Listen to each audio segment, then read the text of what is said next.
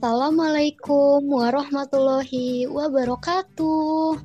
Halo semuanya, selamat datang di Shampoo Ciar Millennial Podcast. Nah, gimana nih teman-teman kabarnya? Baik kan? Insya Allah baik ya. Semoga kita semua selalu dalam keadaan baik dan senantiasa diberikan kesehatan oleh Allah Subhanahu wa Ta'ala. Amin.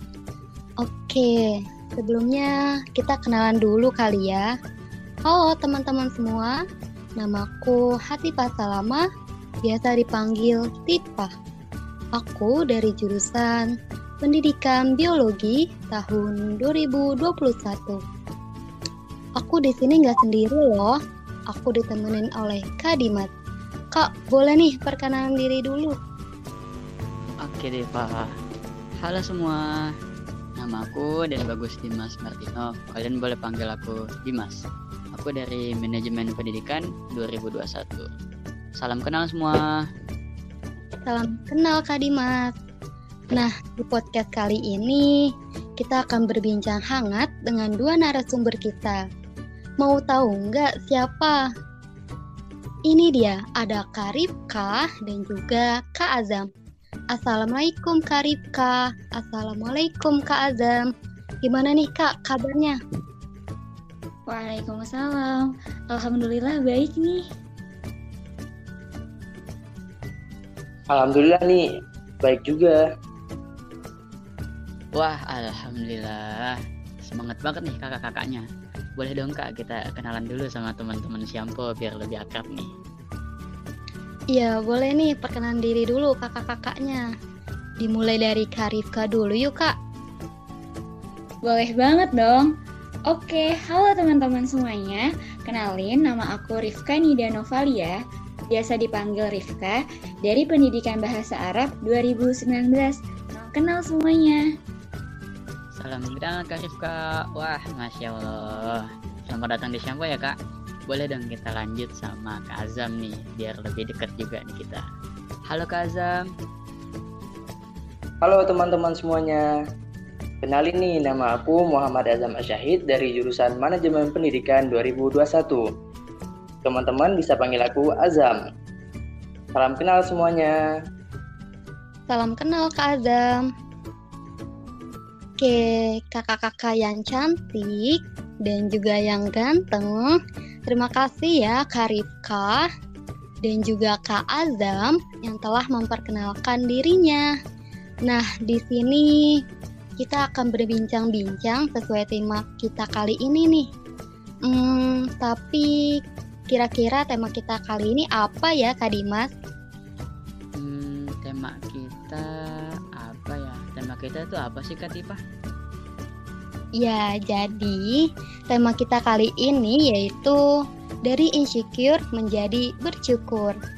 Nah, sekarang kita mau ajak Kak Rifka dan juga Kak Azam untuk berdiskusi soal insecure ini nih, Kak.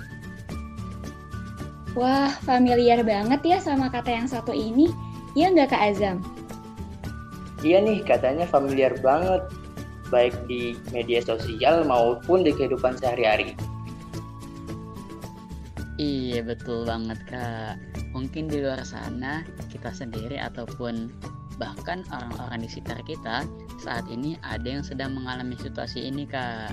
Sebelumnya, eh salah, sebelum nanya ke kakak-kakaknya nih, aku mau tanya dulu dong ke partner aku, Katipa. Kira-kira Katipa pernah nggak ya ngerasain insecure? Pernah dong ada yang lihat yang cantik atau yang pinter itu aku masih ngerasa insecure gitu.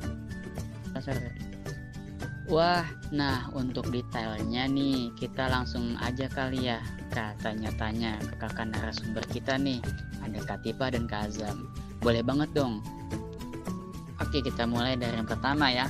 Menurut Katipa, insecure itu apa sih Kak?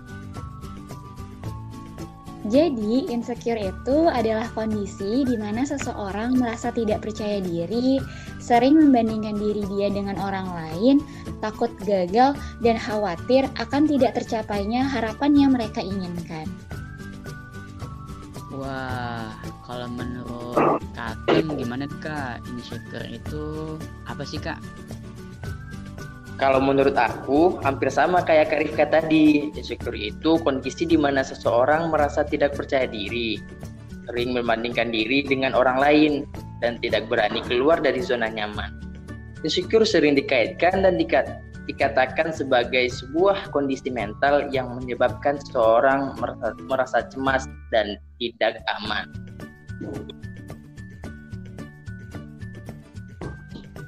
Oke, kira-kira nih dari penjelasan Kak Rifka sama Kak Azam tadi, hmm, sebenarnya penyebab munculnya rasa insecure itu karena apa sih Kak?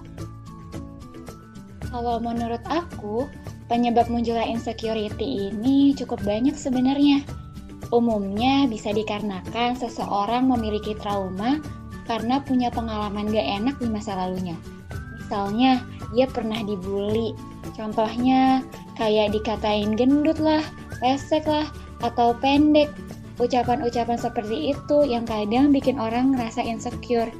Jadi, lebih baik kita menghindari ya kata-kata seperti itu.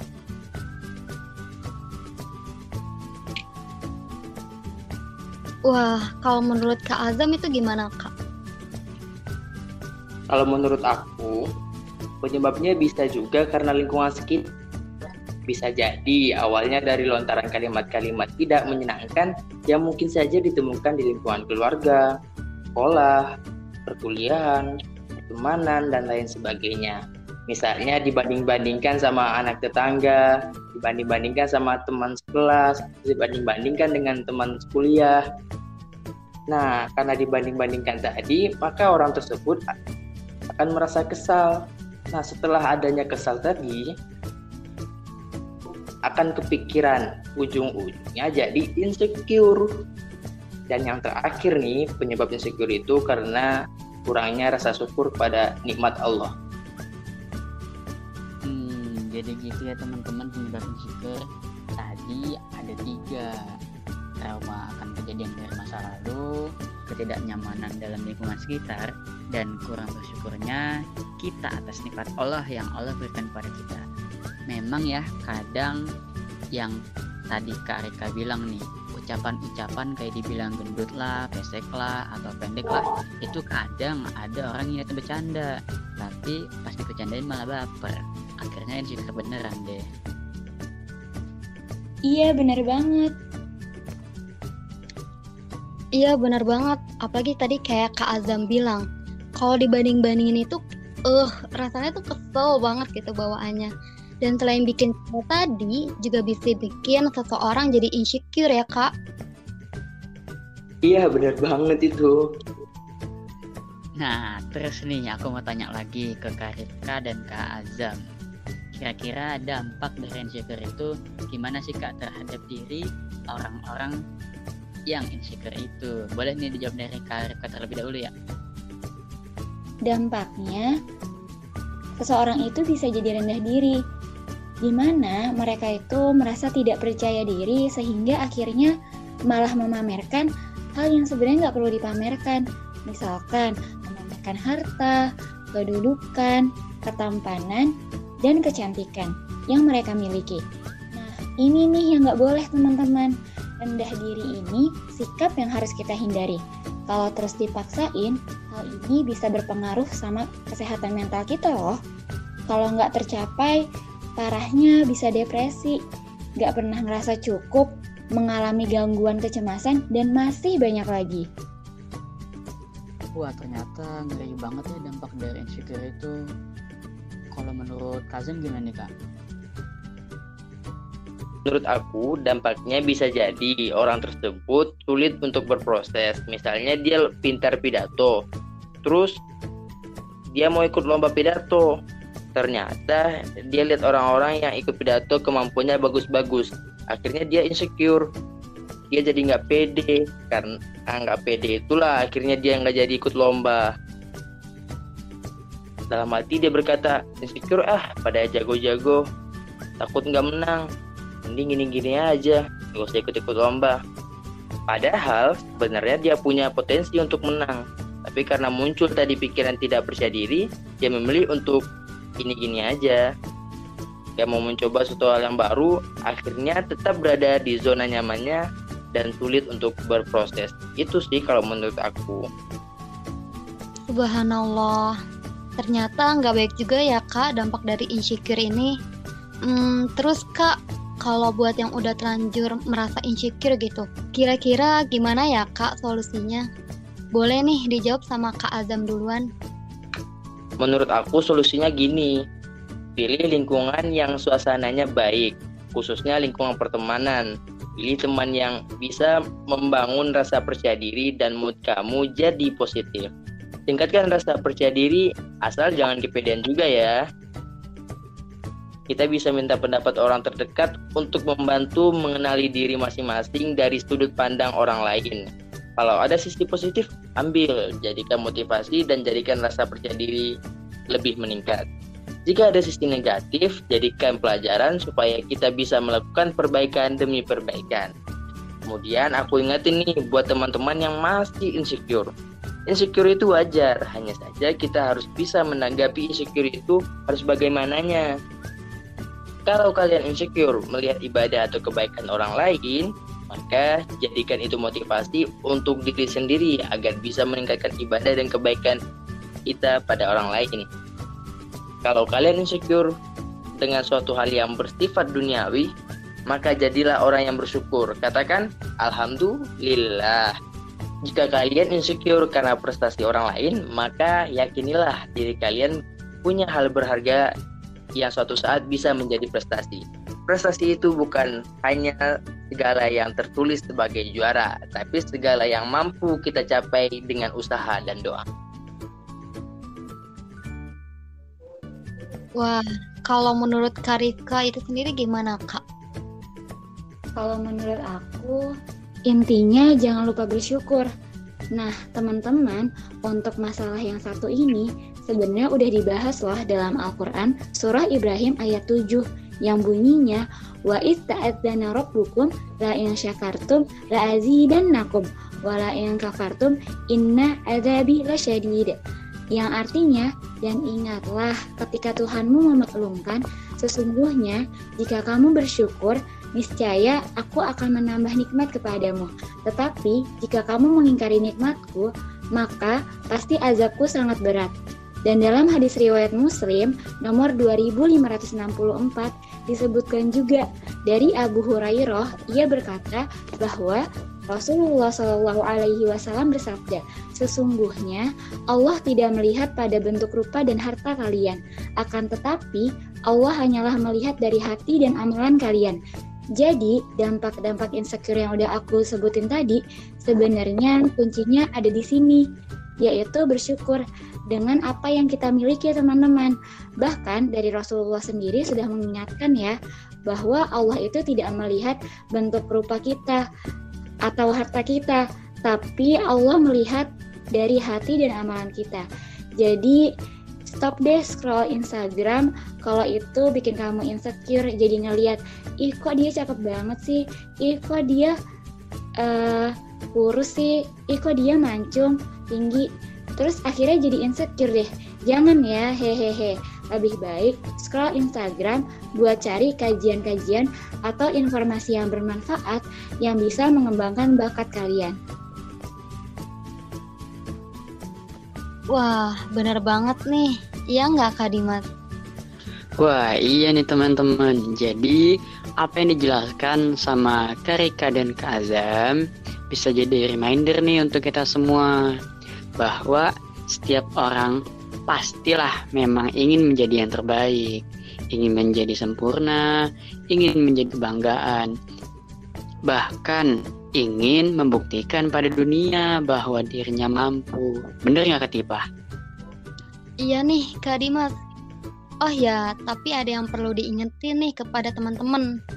Seperti yang kita tahu, di dunia ini tuh nggak ada manusia yang sempurna karena sesungguhnya kesempurnaan hanyalah milik Allah Subhanahu wa taala. Tugas kita hanyalah perlu berjuang untuk hasil yang maksimal.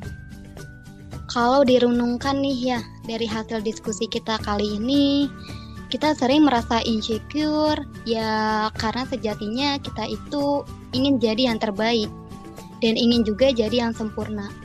Itulah mengapa orang-orang itu terkadang memaksakan sesuatu hal yang padahal dirinya nggak suka atau bahkan dirinya juga nggak mampu. Mereka yang memaksakan hal tersebut hanya ingin terlihat sempurna di mata orang lain.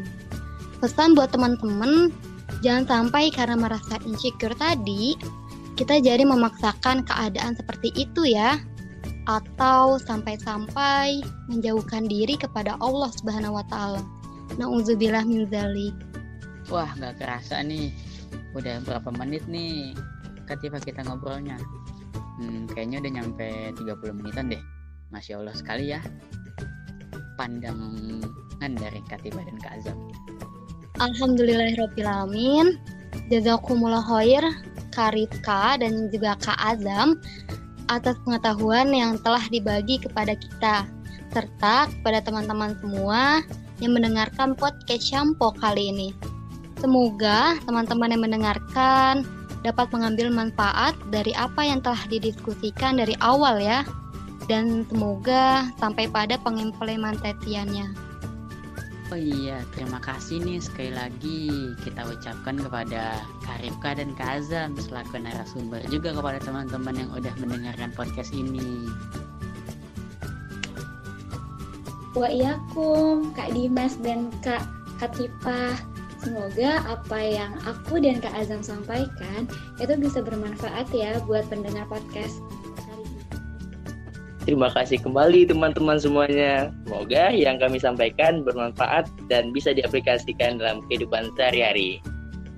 Yeay, makasih lagi nih kak sekali lagi. Oh iya di akhir podcast ini kita berdua, aku dan Katibah mau pamit nih sama teman-teman. Kita ucapkan sampai jumpa. Wassalamualaikum warahmatullahi wabarakatuh. Dadah teman-teman.